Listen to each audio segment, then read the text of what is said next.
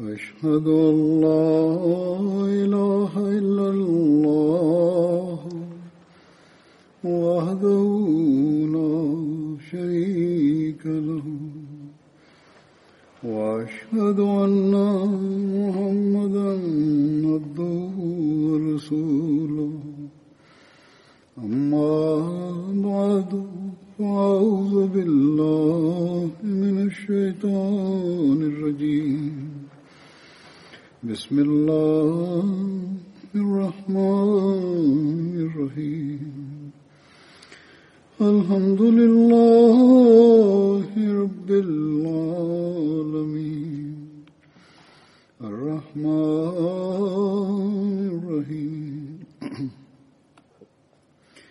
مالك يوم الدين إياك نعبد وإياك نستعين اهدنا الصراط المستقيم صراط الذين أنعمت عليهم غير المغضوب عليهم ولا الضالين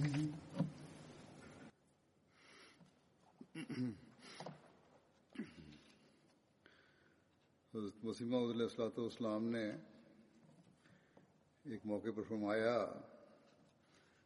کہ میں خدا تعالیٰ کا شکر کرتا ہوں بسم اللہ الرحمن الرحیم حضرت خلیفۃ المسیح kaže da je jednom obećani Mesija, alaih salam, rekao zahvalan sam uzvišenom Allahu koji mi je podario lojalnu i iskrenu zajednicu primijetio sam da kad god zatražim nešto od od njih oni odma odgovore sa velikim žarom i pokušavaju da budu da budu jedni iznad drugih u tome i vidim da je njihov duh pun um, pravednosti i iskrenosti Njihova predanost, ljubav i iskrenost prema obećanom Mesiju alaih salamu je vrlo ovaj. iskrena. Postoje bezbrojni primjeri ashaba obećanog Mesiju alaih salam u vezi ovoga. I postoje razni podaci kroz eh, njihove familije eh, koji su prihvatili Ahmedijat na samom početku. I također u raznoj literaturi i hudbama od um, halifa, znači e. postoje razni zapisi o ovom, e, kako god ta veza koja koja je postojala u vrijeme obećanog znači, Mesija alaih salama i koja se nastavila u njihovim porodicama je do dan danas. I također u onima koji su se poslije pridružili, kako god ova veza nije prestala i nastavila se poslije obećanog Mesija alaih salama, kroz njegove uh, halife i ovo je kao znak koji se nastavlja kao jedinstvo zajednice. Kad je obećani Mesija Iz, kad je on uh, informisao zajednicu da je došlo njegovo vrijeme odlaska sa ovog svijeta, znači, svijeta Kad mu je to Allah Đalašanuhu objavio, on nam je također dao radosne vijesti o instituciji hilafeta. Kao radosnu vijest od uzvišenog Allaha, onda je objećan Mesija a.s. napisao u knjizi Al-Vasijet, Nemojte biti tužni u vezi onog što sam vam rekao, niti vaša srca trebaju da budu tužna, ja vam kažem da je potrebno za vas da vidite drugu manifestaciju i, to, i taj dolazak je bolji za vas koji je vječan i neće se završiti do sudnjeg dana, a ta druga manifestacija ne može doći dok ja ne odem sa ovog svijeta, Ali kad ja odem, Allah će hmm. da pošalje ovu drugu manifestaciju i ostaće i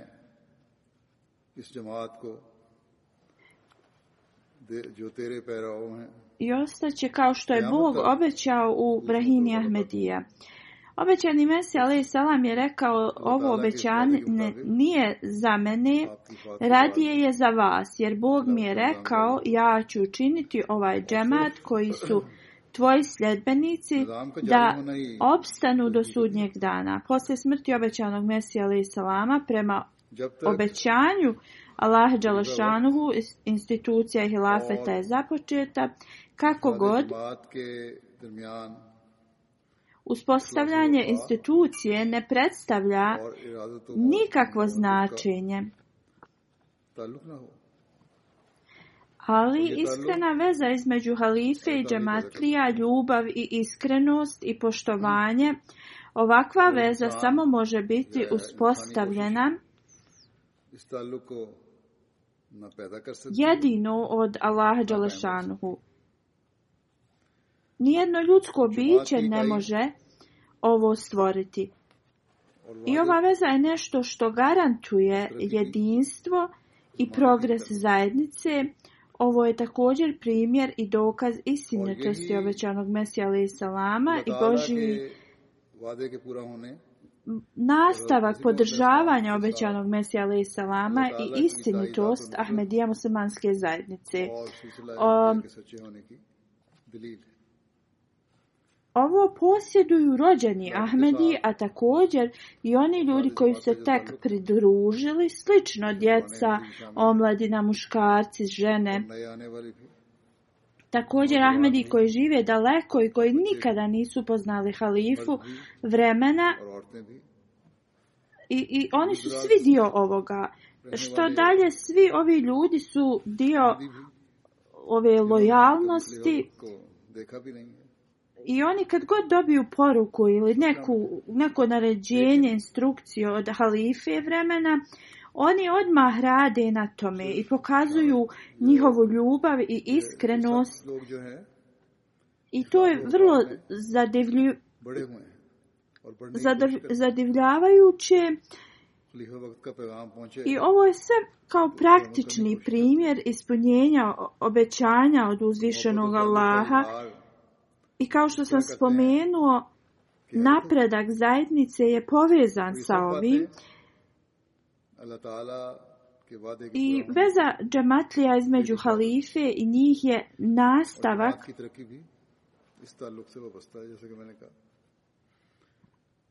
tog pomaganja zajednice od znači, uzvišenog Allaha. Ovo nisu samo prazne riječi, ovo je uh, podrpreto sa stotinama hiljada e, dokaza.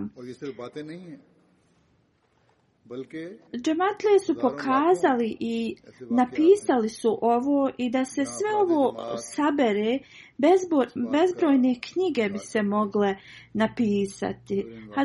Hazur kaže, ja ću e, spomenuti neke komentare koje članovi džamata su imali i koji su uh, koji se nastavljaju do danas. Znači, ovo je počelo poslije smrti obećanog Mesija Ali Salama i nastavilo se 112 godina poslije njega, to, do dan danas. Opozicija džemata Oni su mislili da će se ova zajednica završiti nakon smrti obećanog Mesije, ali i salama kako god, veza ljubavi, lojalnosti i strajnosti prema Hilafetu i prema obećanom Mesije, ali i salamu, se nastavlja, a A zašto i ne bi se nastavila kad je ovo se desilo prema predskazanju časnog poslanika Muhameda sallallahu alejhi ve sellem u svakom slučaju Huzur kaže ja ću sada uh, predstaviti ove komentare i počeću od vremena od uh, Hazreti Halifetul Mesih prvog radijallahu anhu um, Al-Bader, urednik ovog magazina, piše u vezi dana kad je Halifatul Mesih prvi bio bolestan. On piše u tim danima mnoga pisma od džamatlija su stizala i pisali su u vezi zdravlja od Hazreti Halifatul Mesih prvog radijala Hanhu i oni su se u njima molili i, i pitali za zdravlje.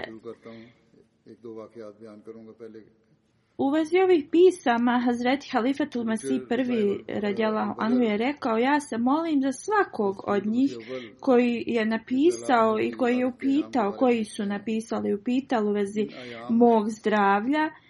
E, ovaj urednik je napisao da na način na koji ovi ljudi su uh, pisali u vezi halifatu Mesiji prvog je iz, izvedredan i on kaže ja ću predstaviti tekst uh, od ovih nekih uh, Hakim Muhammed Ahmed Kureši saheb piše jednog dana sam molio uzvišenog Allaha o moj gospodaru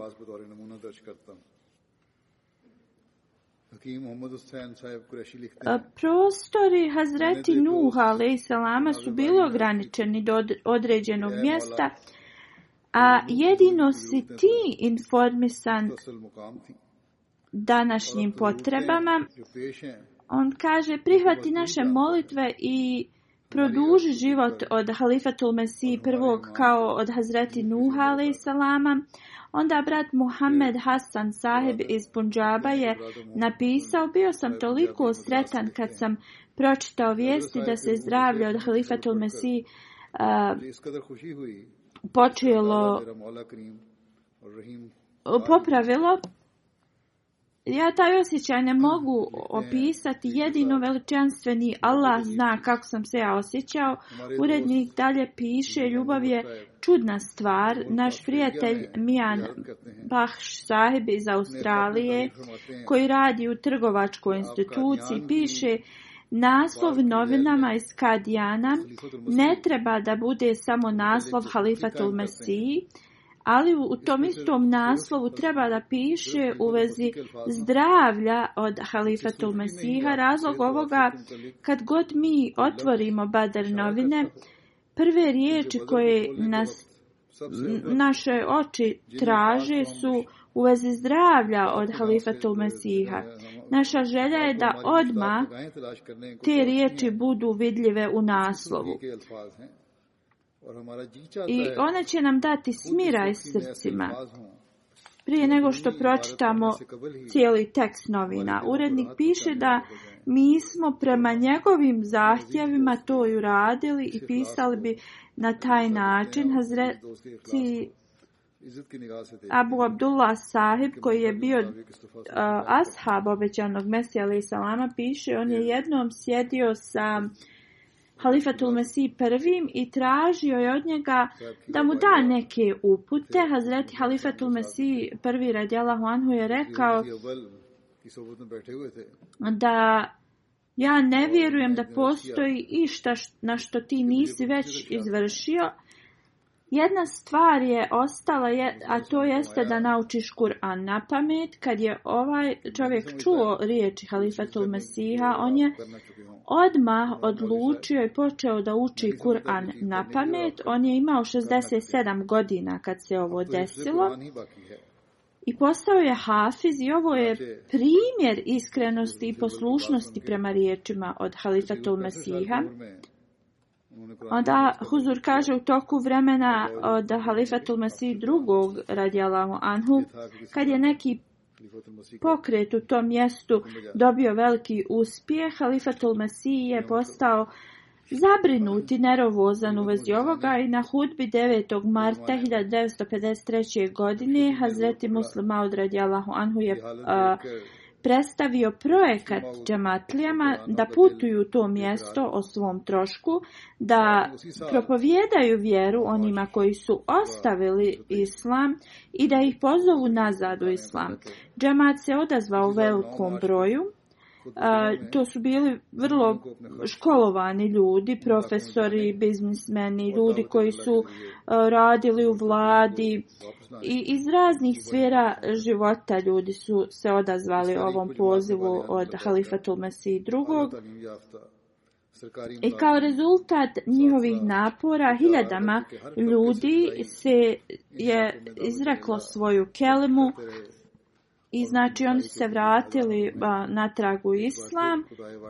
Jednom dok je sjedio sa halifatul mesihom jedan stari gospodin, Kari Naimudin Saheb Bengali, on je rekao a, uh, huzuru, rekao je, ako moji sinovi, iako moji sinovi nisu spomenuli u vezi ovog projekta koji je Hazur započeo, Ja sam osjetio juče kad je Halifat Ulmasi govorio u vezi e, davanja svog života za službu vjere i odlazak u to mjesto, e, da oni ponovo pozivaju ljude u islam i način na koji će morati živjeti kad odu u to mjesto. Možda i moji... E, kao možda a, imaju neke rezervacije u srcu, ja mislim vam govori o svojim sinovima, ako oni pristanu na ovo, možda misle da ću ja biti ono u teškoj situaciji, ali on kaže kako god, Allah Đalašanuhu mi je svjedok ispred halifatul Mesiha, da ja nemam nikakve rezervacije u svom srcu, oba dvojica da, da oba dvojica sinova da daju svoj život na ovom putu, znači da budu i ubijeni. Ja neću ni suzu uh, pustiti, radije bit ću zahvalan uzvišenom Allahu i nije samo u vezi ove dvojice sinova i da moj treći sin pogine radeći na Allahovom putu i da imam još deset sinova. Uh, ne bi pokazao nimalo tuge, tada je Huzur i svi članovi koji su bili prisutni njemu dakle, rekli Džezakumula, to je da ga Allah nagradi. 1942. godine, kad je Halifatul Mesih II. otputovao e, u posjetu Europe, 1924. Allah pa akhuzur ko bakhair wa afiyat I ova kratka odvojenost od halife je učinila da džematlije budu toliko potišćeni. Možemo da vidimo iz sljedećeg, sljedećih riječi, babu Sirađudin Saheb piše Dragi moj, mi smo odvojeni od tebe i kad bi mogli biti prašina po tvojim nogama, da ne bi morali prolaziti kroz ovaj bol, razdvojenosti. Od tebe mi bi to uradili, voljeni moja, nisam posjetio Darul Aman Kadijan četiri godine, ali moje srce je bilo zadovoljno da kad god poželim, mogu, mogao sam da dođem i poljubim noge mog uh, voljenog Hazura, ali sada i jedan dan razdvojenosti je vrlo težak. Uh, da uzvišeni Allah uskoro dovede huzura nazad u dobrom zdravlju i sa uspjehom i pobjedom, ko može da ima ovakvu vezu eh, koja je ispunjena ovolikom ljubavi? Halifat Al-Masi drugi također kaže da jedan čovjek uh, je čuo u vezi ovog pokreta i on je On je odmah otputovao u Afganistan i to je uradio bez pasoša. On je mislio da je naređenje halife i on je to odmah ispunio. A, a instrukcije su bile da se ide raditi tablik čim... A, I, I on je, kad je ovo čuo, on je otišao u Afganistan bez pasoša. Vlada ga je uhapsila i pritvorila, on je boravio u zatvoru, ali i tu je radio tablik zatvorenicima i stražarima, onda je e, bio e, također od Stražari su se e, požalili i ta ulema je mu presudila smrtnu kaznu, ali kako god rečeno je da je on državljanin Britanskog carstva i da, mu ne mogu, da ga ne mogu pogubiti, tako da je on bio vraćen u Indiju. Uh, Hazreti Halifatul Masih drugi piše da ova osoba se vratila nekoliko mjeseci posle toga i on je napravio grešku i mogao je da ode u razne druge zemlje da radi tablik. blik a da ne bude pritvoren kao ovako, ali taj, o, taj mladić je odmah rekao, ja sam spreman da idem gdje god Hazur na, naredi. Njegova majka je bila živa i on nije htio ni da ode kod svoje majke, on je bio spreman da ide da, da radi tablik negdje drugu, ali Halifatul Mesimu je naredio da ode i da posjeti svoju majku. Hazreti Halifatul Mesij drugi je rekao da drugi mladići pokažu odlučnost kao što je ovaj mladić. Uh, ovaj mladić iz Punjaba koji je to pokazao odlaskom u Afganistan, onda možemo da e, kažemo da u cijelom svijetu revolucija bi se desila i u vrlo kratkom vremenu. Uh, Onda brati Sirije Muhammed Ašava sahib, kada je Hazreti Halifatul Mesih drugi posjetio Siriju, on je također putovao s halifom u Lebanon. On je bio uspješni advokat i kao što je poznato advokatima je uvijek a, trebala, a, kao uvijek im trebaju a, dokazi u vezi svega, ali... A, On je imao toliku veliku vezu sa hilafetom i kada bi god dobio neke naređenje, on bi rekao ako je halifa naredio, to je dovoljno za mene i izvršavao bi taj posao. Onda u vrijeme Hazreti Halifa Tulmesi trećeg, gospođa Naima Latif Sahiba iz Amerike, koja imala ogromnu ljubav prema Hilafetu i Halifi vremena i koja je uvijek izvršavala poslužno Halifine naređenja, E, kad je, je ah, Halifa posjetio Ameriku i održao govor u, na jednom univerzitetu i tema tog govora je bila u vezi hijjaba. Poslije ovog govora ona je odma odlučila da stavi hijjab i da nosi ga e. i ona je bila jedina žena ne samo u tom mjestu već u širojem prostoru i, i ona je bila nova Ahmedi ali je željela da ispuni svoj bejat. Nazir Ahmed Saib je napisao o jednom iskrenom Ahmedi dok je govorio o ovome.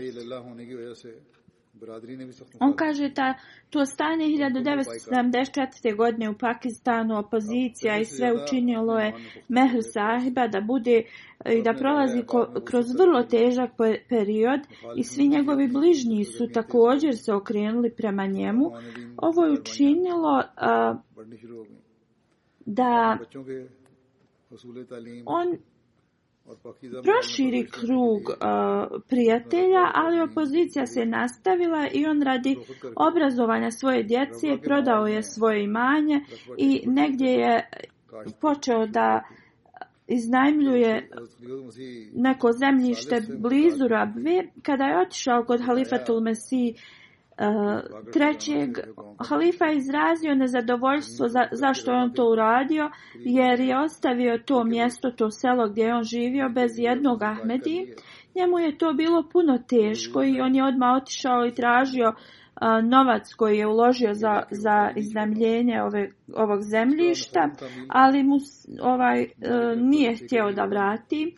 On je također imao neke usjeve tu, sve je ostavio i vratio se u svoje selo. Uh, ali također nije bilo lahko, nije mogao da kupi za isti novac to svoje um, staro, staro imanje, platio ga je dosta više, ali on je otišao, kupio to, vratio se i došao je kod halifatul Mesih III. i rekao mu je ovo, tada halifa je bio toliko sretan ovim njegovim činom, ali Mehr Savi je bio još sretniji.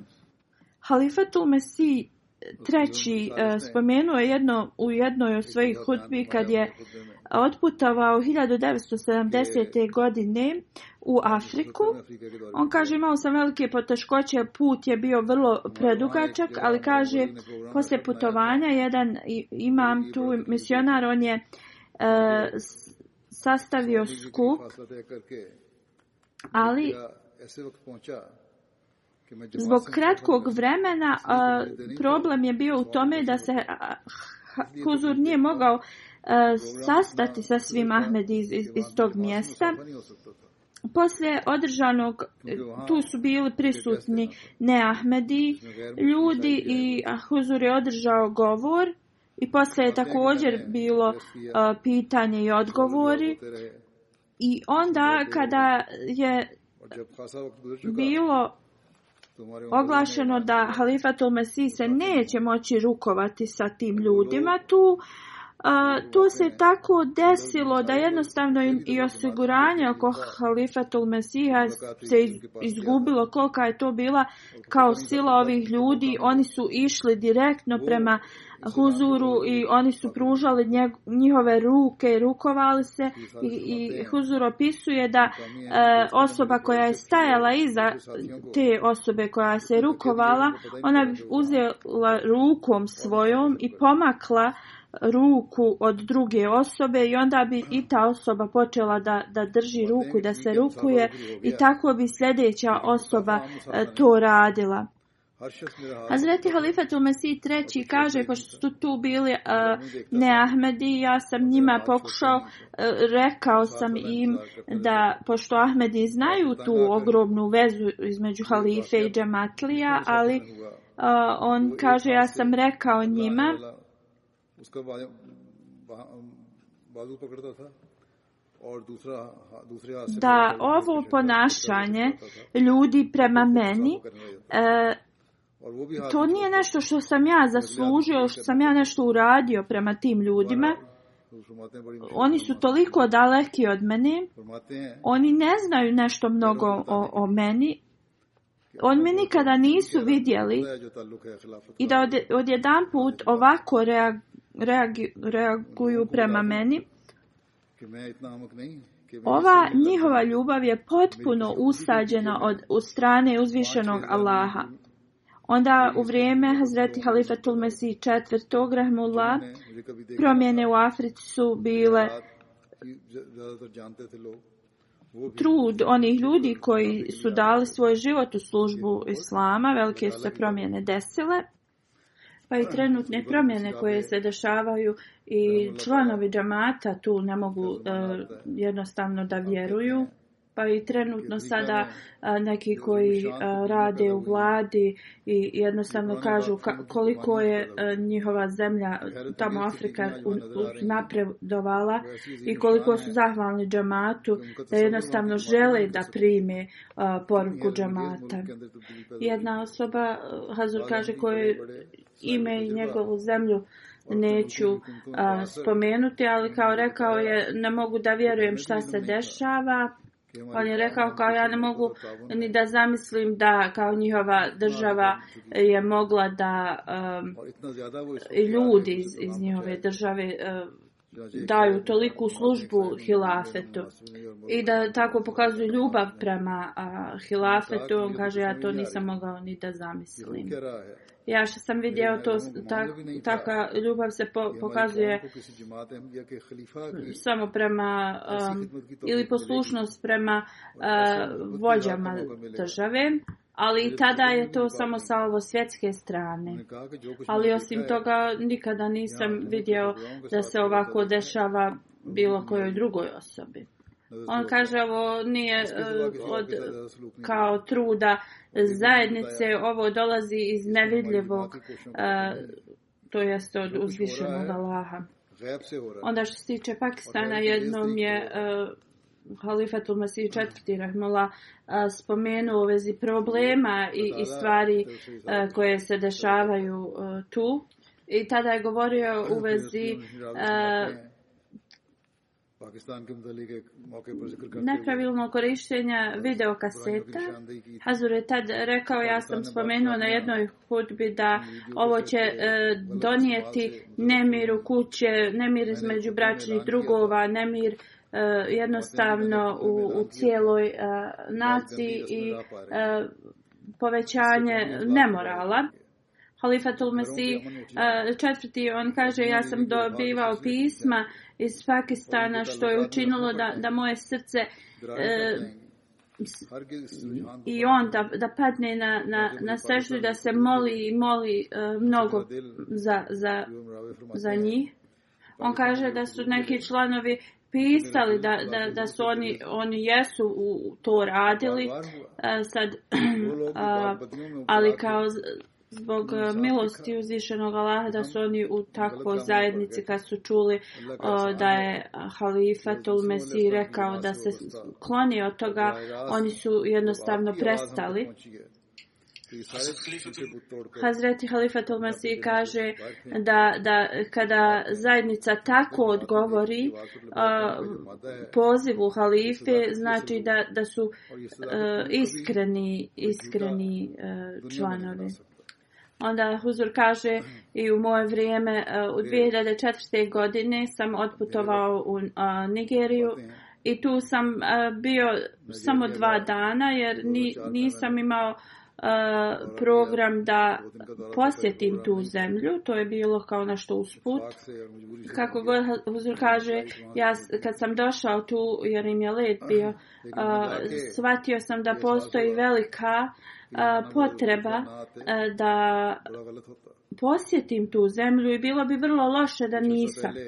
Huzur kaže, malo prije mog dolaska, nekoliko dana prije, Jalfao e, Nigeri e, se održala i Huzur kaže, ja nisam uopšte se nadao da će ljudi nakon nekoliko dana da, da se vrate uh, Ovaj, i da imaju mogućnosti da dođu ponovo u to mjesto. Kako god, otprilike 30.000 njih se uh, sakupilo tu i kaže ugledati tako prelijep prizor uh, je bilo tako lijepo ih vidjeti. I takva veza lojalnosti i ljubavi je jednostavno nešto što se ne može opisati. Neki od njih nikada nisu ni uh, u, vidjeli uh, halifu, ali je tako bilo predivno ih uh, vidjeti uh, njihov, njihovo ponašanje. Zor kaže, u toku uh, dove prije polaska, uh, neki su toliko izrazili tu, tu svoju tugu zato što uh, Huzur odlazi. Kako god, ovo je jedino moguće, jedino moguće uh, zbog uzvišenog Allaha. Ovi neki učenjaci e, ili ulema, oni a, govore da u, u nekim državama u Africi bili su a, kao u sposobnosti da zatvore neke naše džemate ili da su ljudi ti lokalni obećali da će zatvoriti ih. I oni također tvrde da su mnogo neki drugi stvari a, E, kao uradili. Ali što mi ni trebamo da upitamo, jer mi znači, vidimo e, jednostavno kad odemo dole i vidimo preko znači, MTA i, i sve te primjere, e, znači, kako će oni biti u stanju da to urade i zaustavi. Oni mogu da nastave i da tvrde što god žele, ali to samo nastavlja da, nama da po, povećava našu vjeru i u pozornost. Onda Huzur kaže 2008. ja sam posjetio Ganu i hvala uzvišenom Allahu, džamat je tu po, uh, kupio veliko uh, zemljište, otprilike oko uh, pet stotina ekara. Pa Mnogi ljudi su tu pa stigli prije nego što sam ja došao napravljeni su kao privremeni smještaj. Iako su se potrudili da to a, obezbijede, bilo je opet, a, to nije bilo dovoljno. Ali nijedna osoba se nije tad žalila.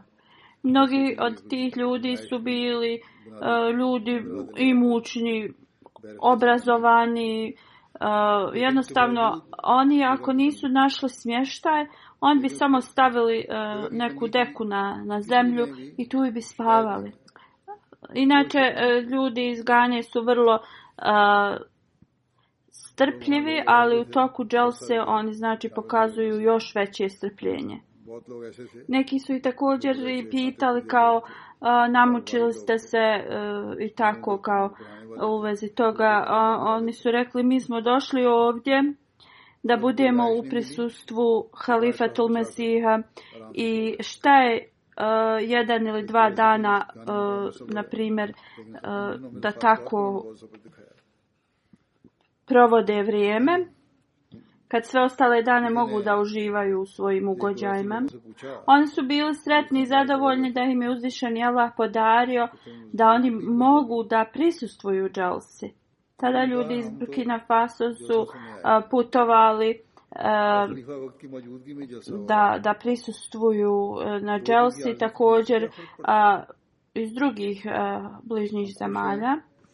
Huzur kaže, a, saznao sam da delegacija koja je došla iz Burkina Faso a, bila je velika i da oni nisu dobili hranu. Tad bilo ih je otprilike od, oko 3000 i ovo je bila najveća delegacija koja je a, došla tad u Ganu.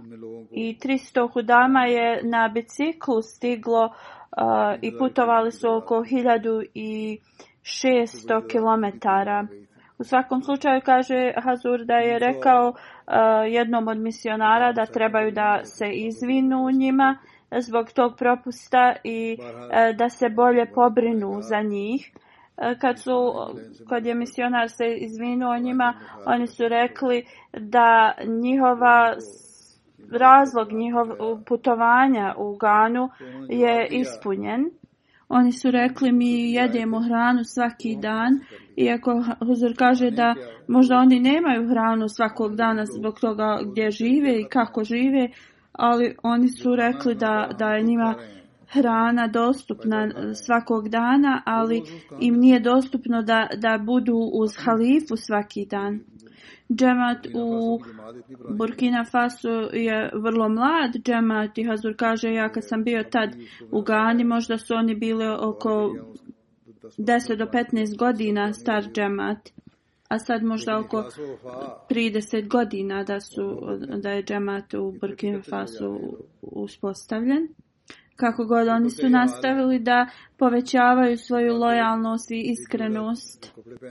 Njihovo stanje e, možemo da ocijenimo kroz to da uh, oni su boravili u istoj odjeći 4 do 7 dana i kad su se vratili, vratili su u istoj odjeći, tako možemo da da vidimo kako je njihovo stanje što se tiče imovine Oni su svoj znači, novac kupljali da mogu da putuju i da, da stignu za, na tu džalsu koja je bila stotinu godi, znači, godina postojanja džamata i to je za njih bilo važno.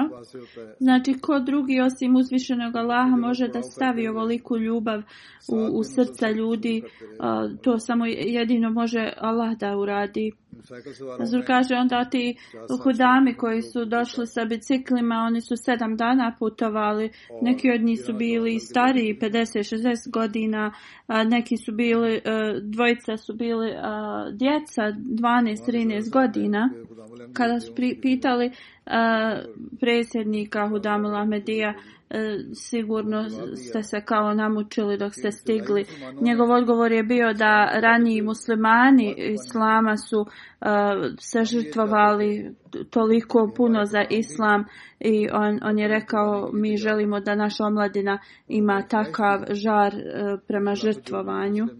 I oni su imali želju da urade nešto za tu sto, sto godišnjica, sto godina uh, hilafeta da um, i da, da dođu na biciklima i da ti mogu da kažu da halifi vremena da su oni spremni da prihvate bilo kakav uh, izazov i, i bilo kakvo žrtvovanje i prije nego što su krenuli nazad novinarka ih je pitala u vezi njihovih uh, bicikala Uh, zato što uh, zato što njihova bicikla su bila uh, kao stara, nisu uopšte kao sad ova modernija u, u Engleskoj, oni su rekli da naša bicikla su stara i, i nisu baš uh, dobra, ali naša vjera i na, naša želja uh, da, da dođemo je dosta, dosta jača od bilo, če, bilo koje druge prepreke. Uh, I kada e, članak izašao u novinama, bilo, e, bilo je, uh, naslov je bio kao uh, putovanje od tog i tog mjesta samo radi uh, uzvišenog Allaha i da bi obilježili uh, kao stotinu go, sto godina uh, hilafeta. Ovi Ahmedi nisu rođeni Ahmedi. Ovi Ahmedi dolaze iz, iz mjesta gdje nemaju ni, ni putevi znači, da, da dođu kako treba. Neki žive u mjestima gdje nemaju ni vode, ni, ni struje. I samo su prije nekoliko godina primili Ahmedijat, ali kad vidite njihov primjer, jednostavno to vas ostavlja, uh, ostavlja na vas tako veliki dojam. Ovi ljudi žive u tako teškim situacijama i ekonomskim situacijama, ali posle prihvatanja e, iskrenog sljedbenika, časnog poslanika, salalahu alaihi veselam, posle prihvatanja običanog mesta, alaihi salama, oni su toliko... Uh, istrajni, toliko pokazuju taj primjer istrajnosti. I zato uvijek trebamo da se molimo da uzvišenjala i podari da se što više poboljšavaju u svojoj vjeri i iskrenosti, a također da se molimo i za nas sve. Član iz Burkina Faso, Ibrahim Saibon, kaže ja sam a, prihvatio Ahmedija 2005. godine i nakon tri godine tad kad je on došao u Ganu on je rekao ja sam tek shvatio šta sam ja zaista uh, našao on kaže ja ne mogu da izrazim svoju sreću, jer sam danas upoznao halifu vremena. Nekima ste mogli vidjeti eh, tako, takav dokaz, eh, jer suze su im bile, oči su im bile pune suza i, i Toliko ti ljudi koji su tek prihvatili islam imaju a, pa takvu predanost. Prošle godine jedna osoba je u tom džamatu a, pokušala da izazove neke neprijatne e, a, situacije i jednostavno a, e, omladina je bila a, pod njegovim utiskom, iako su oni i dalje smatrali Ahmed i muslimanima, ali su se malo počeli kao da odvajaju od eh, administracije džemata u tom mjestu. Huzur kaže, ja sam poslao jednog misionara iz Malija da jednostavno preispita situaciju i on kad je došao, on im je jednostavno objasnio da vi kažete da ste prihvatili eh, džemat, da jednostavno ste poslušni halifi vremena, a vidi šta vi radite sad. Onda su oni uh, počeli da mi šalju pisma i jednostavno se izvinjavali i rekli su da zbog nedostatka jednostavno treninga i moralnog tog treninga da su uh, jednostavno zbog toga to radili. Kako god oni su pisali da oni imaju veliku vezu i ljubav prema hilafetu i ne, ne bi mogli ni pomisliti da se odmaknu od hilafeta. I hvala uzvišenom Allahu, oni su opet postali uh, dio džemata. I znači zbog nedostatka treninga oni su se kao odmakli malo, ali čim je uh, im lijepo objašnjeno i sve, oni su jednostavno odma pokazali svoje, svoju grešku i svoje izne, izvinjenje. I odmah su rekli da je njihova lojalnost uz hilafet. Uh, ali što, što više oni su rekli kad su se malo odmakli od, od hm, eh, džamata u svom mjestu, jednostavno to nikada nije narušilo njihovu vezu i lojalnost prema hilafetu. To je, distanca je bila samo od nekih tih eh, iz odbora u džamatu ljudi.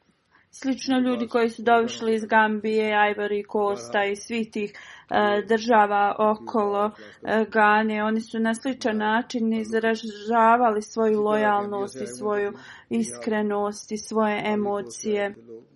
Huzur kaže, ja sam ovo već spomenuo, ali dok sam boravio u Gani kad sam posjetio za sto, stotinu godina. Um, Žel su tu, pa a, moja kuća je bila podaleko, otprilike jedan kilometar udaljena od a, eh, mjesta gdje se Dželsa održavala. I eh, Azul kaže da su žene, ljudi, svi se tu skupljali i dizali bi djecu tako da samo da kažu njemu, na, da mu nazovu selam. Tada na Dželsi je bilo 50.000 eh, žena prisutno. I one su izražavale takvu lojalnost i iskrenost prema hilafetu. Na njima se ta ljubav i ta veza prema hilafetu mogla vidjeti, a također Huzur eh, kaže da, da su oni toliko eh, pažljivi da dolaze na namaz redovno, eh, na tahadžud, na dnevne namaze. Zor kaže, kao što sam spomenuo, eh, 2004. da smo u Nigeriji bili vrlo kratko vrijeme, možda je bilo to i 2008. pa posle kaže Hazur, mislim da je ovo bilo 2004. kad sam eh, iz Benina eh, stigao tu i tu je bila izgrađena džamija i e, mnogi ljudi su željeli da se rukuju s Hazurom i da i njihova djeca vide Hazura. Također žene su željele sam da vide uh, Hazura uživo i kaže uh, ogromna linija se iskupila. Tako kad je, dok je Hazur išao, njegovo osiguranje ide oko njega i jedna gospođa je tu uh, E, stajala i on je rekao da je, da se ona pomakne. E, ona, Hazur kaže da je ta žena postala toliko e, ljuta na njega i rekla je ko si ti da, da, da, da razvajaš mene i mog halifu.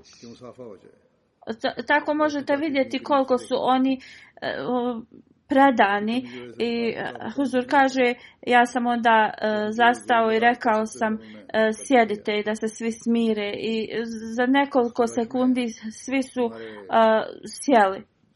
Ovo je njihova veza i njihova poslušnost prema hilafetu.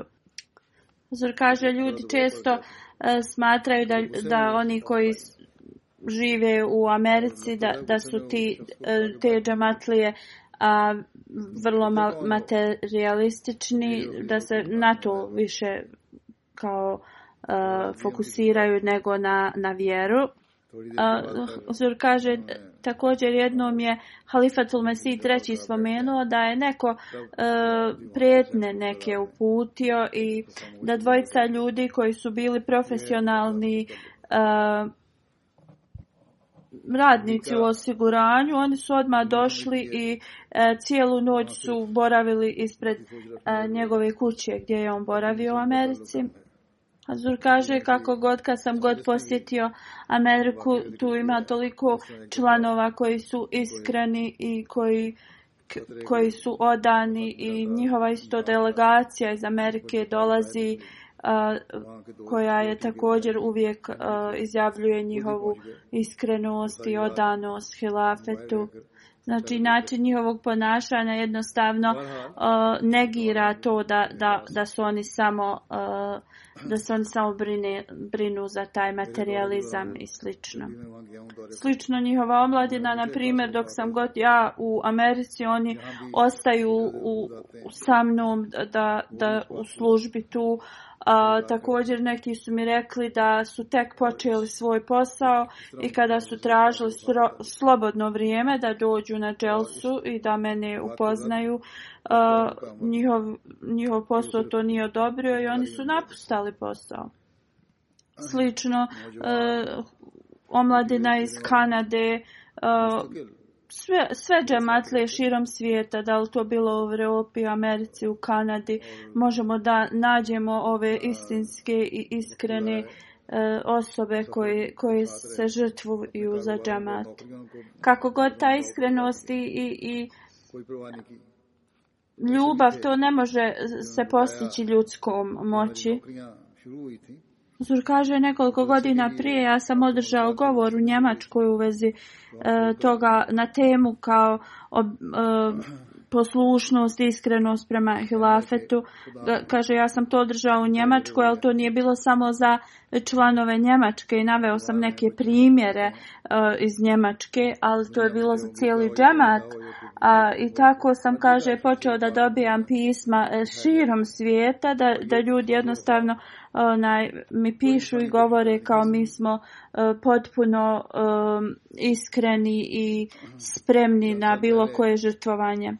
Također ljudi iz Njemačke džematli su to tako pisali, onda su neki rekli mi kao članovi odbora, raznih odbora u džematu, mi bi nekada tvoja naređenja i instrukcije nekako tumačili malo i na svoj način, ali to se neće više kao desiti, inšala, da uzvišenje Allah pomogne i njima i cijelom svijetu da, da se ovako uh, ponašaju, Kasim Saheb iz Jordana piše.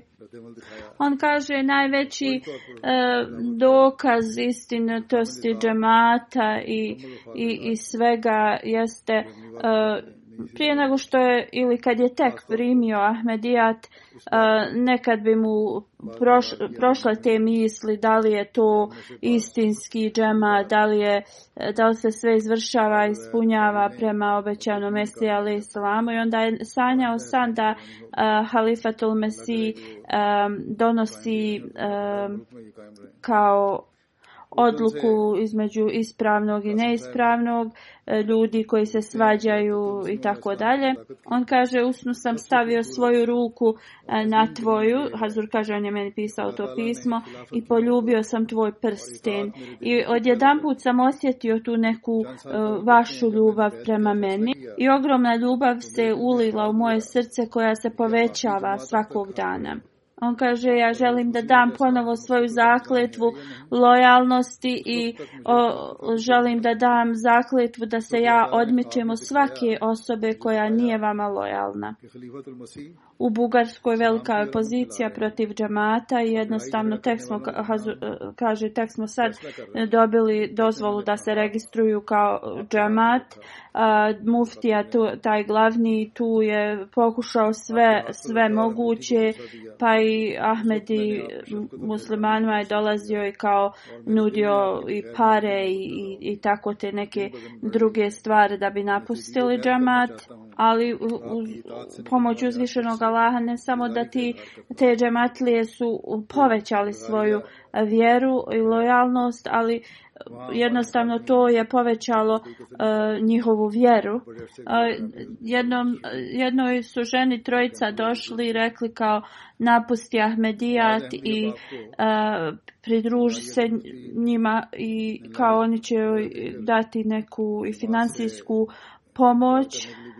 Uzur kaže ova muđajda, e, žena koja se bori na, na, da sačuva svoju vjeru, ona je rekla ja sam nedavno uh, E, upoznala svog halifu, Ahmedijat je istinski islam i rekla je uzvišen, Allah mi je pokazao e, tri sna, sanjala sam tri puta da je is, Ahmedijat istinski islam. I ona im je rekla, e, znači nema šanse da, da ću ja da napustim Ahmedijat. Iz Benina misionar piše, imali su skup za nove Ahmedi i jedan od tih novi Ahmedi je rekao da e, kad ljudi imaju problem, u neki problem u svom mjestu idu kao od e, najmanjeg e, vođe tog mjesta pa dođu i do presjednika, ali ono kao pitanje je da li će im biti pomognuto. A, kaže, sistem u džamatu je tako da mi imamo halifu koji zna se podbrinuti za svačiji problem. E, čovjek koji e, jednostavno za lahu pomoć e, svake zemlje razumije mislim sva ta probleme i, i, i rješava i na najbolji način Leila Sahiba iz Francuske kaže ja sam dala Bejat 2017. godine I ona kaže, ja svako jutro pročitam pismo koje ste mi vi poslali, koje je promijenilo moj život. Ona kaže, ja se molim svako jutro da vam uzvišeni Allah podari e, sve najbolje. Znači na svakom namazu se moli za uh, huzura i kaže jednostavno ovaj bejat me je u, učinio da budem uh, totalno drugačija osoba. Misionar iz Malija kaže Abdurrahman sahib koji je nedavno uh, preminuo prije nego što će preminuti na nekoliko sakupio je svu svoju djecu i rekao da sam mlađi ja bi uvijek išao u misionarski centar u njihovom mjestu i radio bi bilo šta šta god mogu da pomognem u tom centru. Onda je rekao dva mjeseca ima kao uh, da plati uh, svoju članarinu ili neko obećanje koje je rekao da će dati u džamat i rekao je uh, da oni to isplate ako bi slučajno uh, nešto njemu se desilo. I treći, je što im, treći savjet koji im je rekao da se nikada ne udalje od uh, hilafeta ili da o, pokažu o, neposlušnost prema hilafetu i da uvijek plaćaju svoju čendu na vrijeme. Emir iz Gambije kaže da a, jedna a, gospođa, ona je dala bejat i kada je rečeno da se treba davati čenda, ta članarina, a, ona je dala neku svotu novca koja je bila malo i previše za njen standard i uh, rekla je ja s tim želim samo da po postignem Allahovu ljubavi i ljubav uh, njegovog uh, halife. Izad sahib iz uh, Tadžegistana kaže da njegova majka uh, se uh, razbolila, imala je dosta uh, problema zdrav, zdravstveni i ono kao niko se nije nadao da, da će uh, da, da poživi. I on kaže, zbog moje veze sa uh, Halifatul Mesihom, ja sam uh, bio siguran da ako zatražim da se uh, Halifatul Mesih uh, E, moli za nju da će ona ozdraviti. On kaže, napisao sam pismo i došlo je pismo, odgovor Hazura i, i e, također e, E, neki lijekovi uh, homeopatski i moja majka je sad je njoj 79 godina i ona je u dobrom dobrog zdravlja i planira također da ode na hač. Uzmišljeni Allah uradi ovakve stvari da jednostavno učvrsti vjeru uh, ljudima i, i tu vjeru da, da je zaista obećani Mesija alaihissalam istinit i, i da je on uh, taj mesija uh, koji, koji je predskazan od poslanika sallallahu alejhi ve sellem Tahir sad kaže kada je otputovao u Tursku e, sa, sastao se sa nekom Ahmedi e, porodicom i on, on govori u vezi kako i djeca imaju tu, tu veliku vezu i ljubav prema halifi jedno malo djete je došlo zagrlio ga je i pitao je kao ako ja napišem pismo da li ćeš ga odnijeti uh, Hazuru za mene i on je rekao naravno da hoću i on je nešto kao samo našarao um, i kaže ja sam ga upitao šta si ti napisao uh, to za Hazura kaže ja sam napisao Hazur volim te i uh, Tahrsan kaže da uh, kada su uh, kada su dobili odgovor na to pismo kao nje, otac tog djeteta je e, javio da je djete bilo vrlo sretno i cijela mm. porodica. Slično misionar iz Makedonije piše uh, u vezi također u vezi djece. Uh, on kaže da dok je išao u Bosnu uh, E, upoznao je nekog čovjeka koji je porijeklom iz Pakistana i on mu je rekao e, kao jednom u Dubaju na aerodromu sam upoznao jednu porodicu i jedno malo djete svima govorilo da uh, klanjaju namaz i da govore istinu on kaže ja sam uh, saznao da, da, da je ta porodica da su one Ahmede i muslimani i kaže upitao sam tu, tu to djete kao uh, š, šta je tvoja najveća želja i ona mi je odgovorila da ja uh, da ja upoznam svog voljenog halifu koji boravi koji živi u Londonu on kaže da je to ostavilo jedan znači, veliki utisak na njega da djevojčica uh, tako mlada znači da joj je to jedina želja ili najveća želja da, da upozna svog halifu Slično kada sam ja e, rekao da djeca ne igraju ovu neku video igricu, uh, E, roditelji su mi pisali da su bili zabrinuti kako će oni to da zaustave da se ta, da, da djeca ne igraju u igricu ali kaže kad, kad su ta djeca čula da je to halifa rekao oni su sami napustili i sada Hazur kaže ja, ja dobijam neka pisma gdje, pi, da, gdje me pitaju djeca kao da li je u redu imalo da, da igramo tu igricu ili tako nešto slično to što jednostavno pokazuje da ova djeca ne žele da lažu ne žele da, da kriju, znači e, iskreno pitaju. Niti oni žele da nešto rade što je halifa zabranio radi njihovog sobstvenog dobro, dobra. A misionar iz Honduras piše da je jedan lokalni Ahmedija tu imao problema nekih i kaže ja sam ga, e, ja sam ga savjetovao da on piše halifi. On kaže da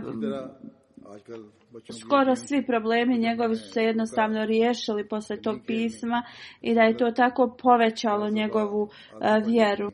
Afari Sahib iz Maroka piše da jednostavno e, moj cijeli život, mo, mo, sve u uvezi mog života je jednostavno dobilo tu neko prosjeciljenje, svjetlost. Zahvalan sam, zahvalan sam uzvišenom Allahu koji mi je dao uputu Napisao je kada te vidim imam toliku tu neku ljubav ogromnu prema vama, a nikada vas nisam ni upoznao ni, ni vidio uživo. I, I ovo je jednostavno nešto što je uzvišeni Allah stavio u moje srce.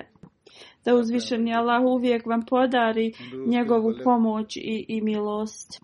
Iman sahiba iz Jemena piše, volim halifu više od sebe, od svoje djece, od svoje porodice. On je mir i, i smiraj mog srca. Nadam se da uzvišen jela će podati za sve stvari se vrate u normalu.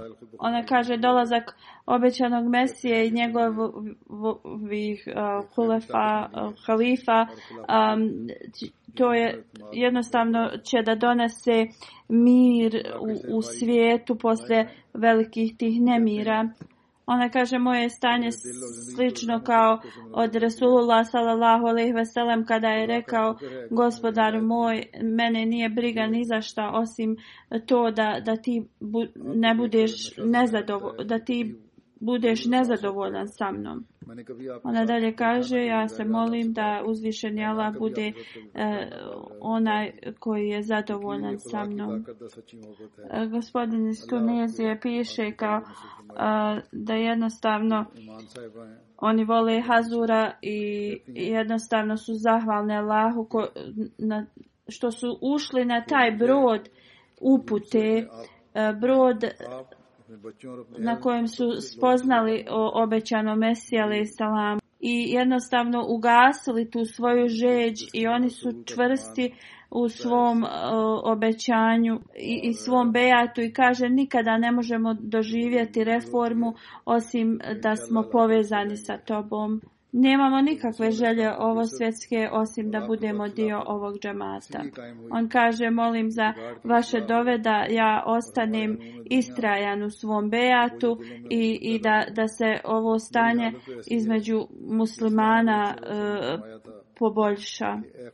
Halifatul Mesih kaže, ja sam samo predstavio neki mali, e, male detalje u vezi lojalti i ljubavi i, i, i kako uzvišeni Allah daje tu ljubav i da niko ne može od, oduzeti to nama.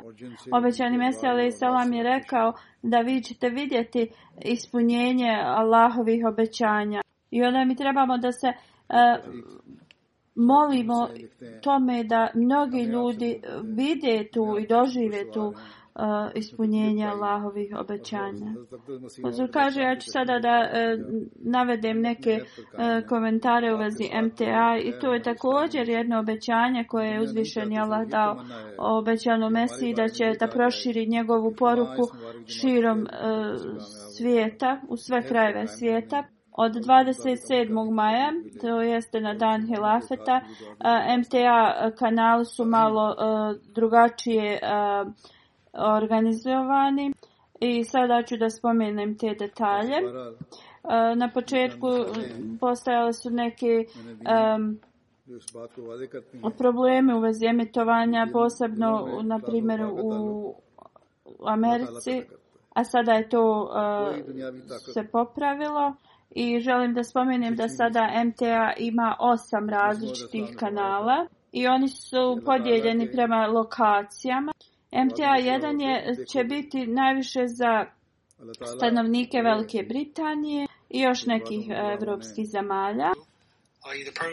Glavni jezici bit će engleski i urdu na ovom kanalu a programi uh, koje će, ako se budu emitovali na drugim uh, jezicima, također će imati uh, prijevod uh, na engleski ili urdu na ovom kanalu.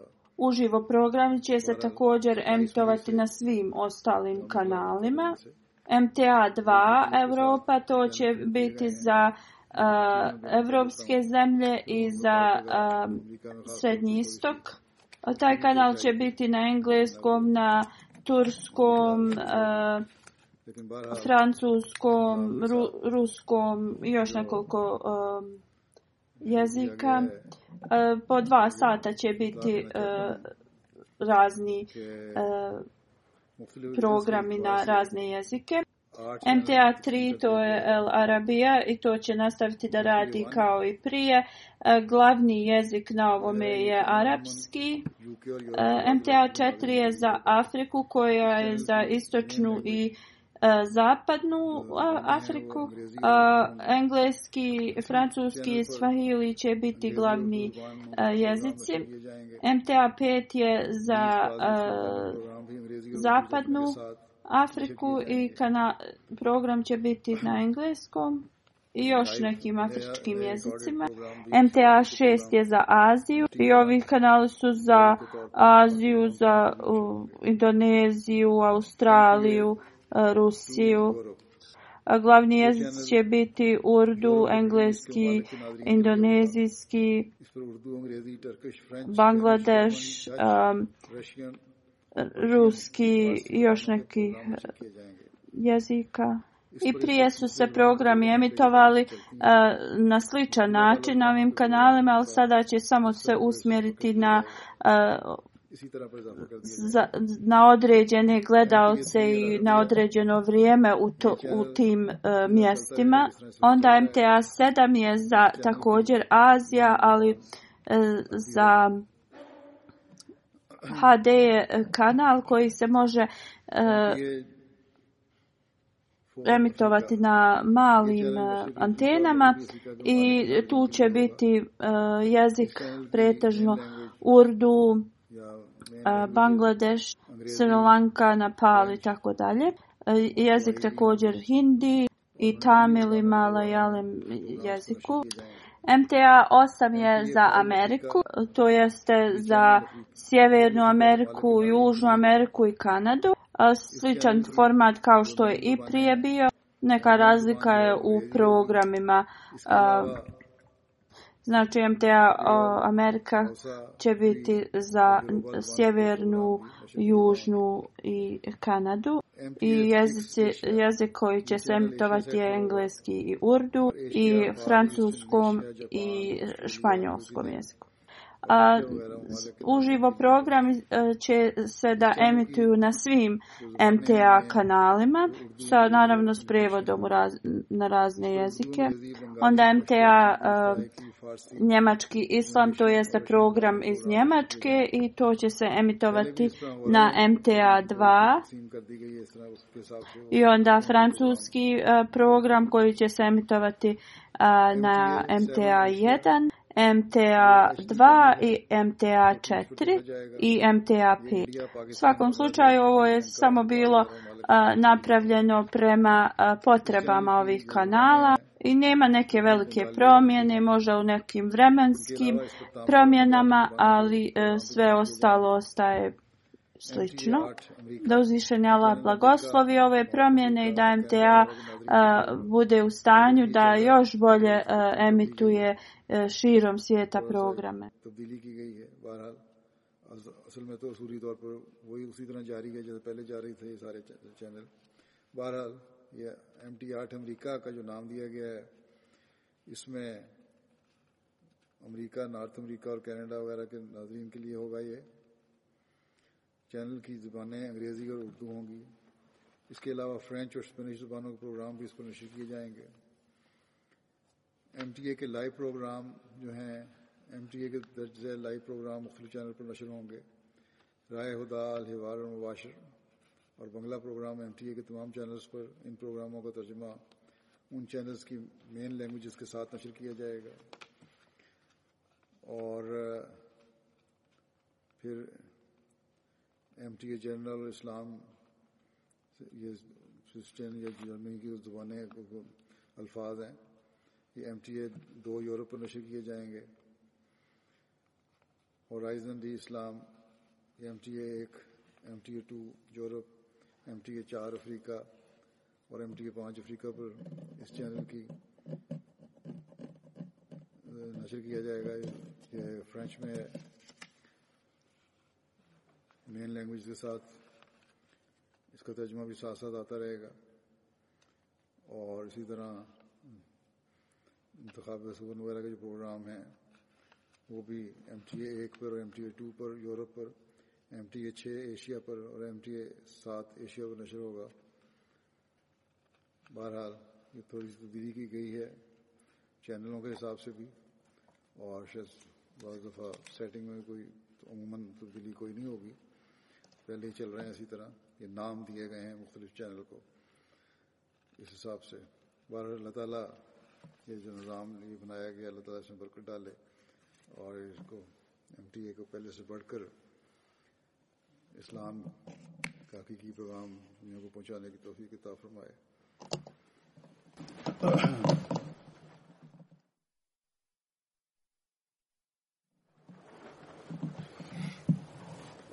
الحمد لله الحمد لله نحمده ونستعينه ونستغفره ونؤمن به ونتوكل عليه ونعوذ بالله من شرور انفسنا ومن سيئات اعمالنا من يهده الله فلا مضل له ومن يضلل فلا هادي له ونشهد أن لا إله إلا الله ونشهد أن محمدا عبده ورسوله عباد الله رحمكم الله إن الله يأمر بالعدل واللسان وإيتاء ذي القربى وينهى عن الفحشاء والمنكر والبغي يعظكم لعلكم تذكرون اذكروا الله يذكركم ودوه يستجب لكم ولذكر الله أكبر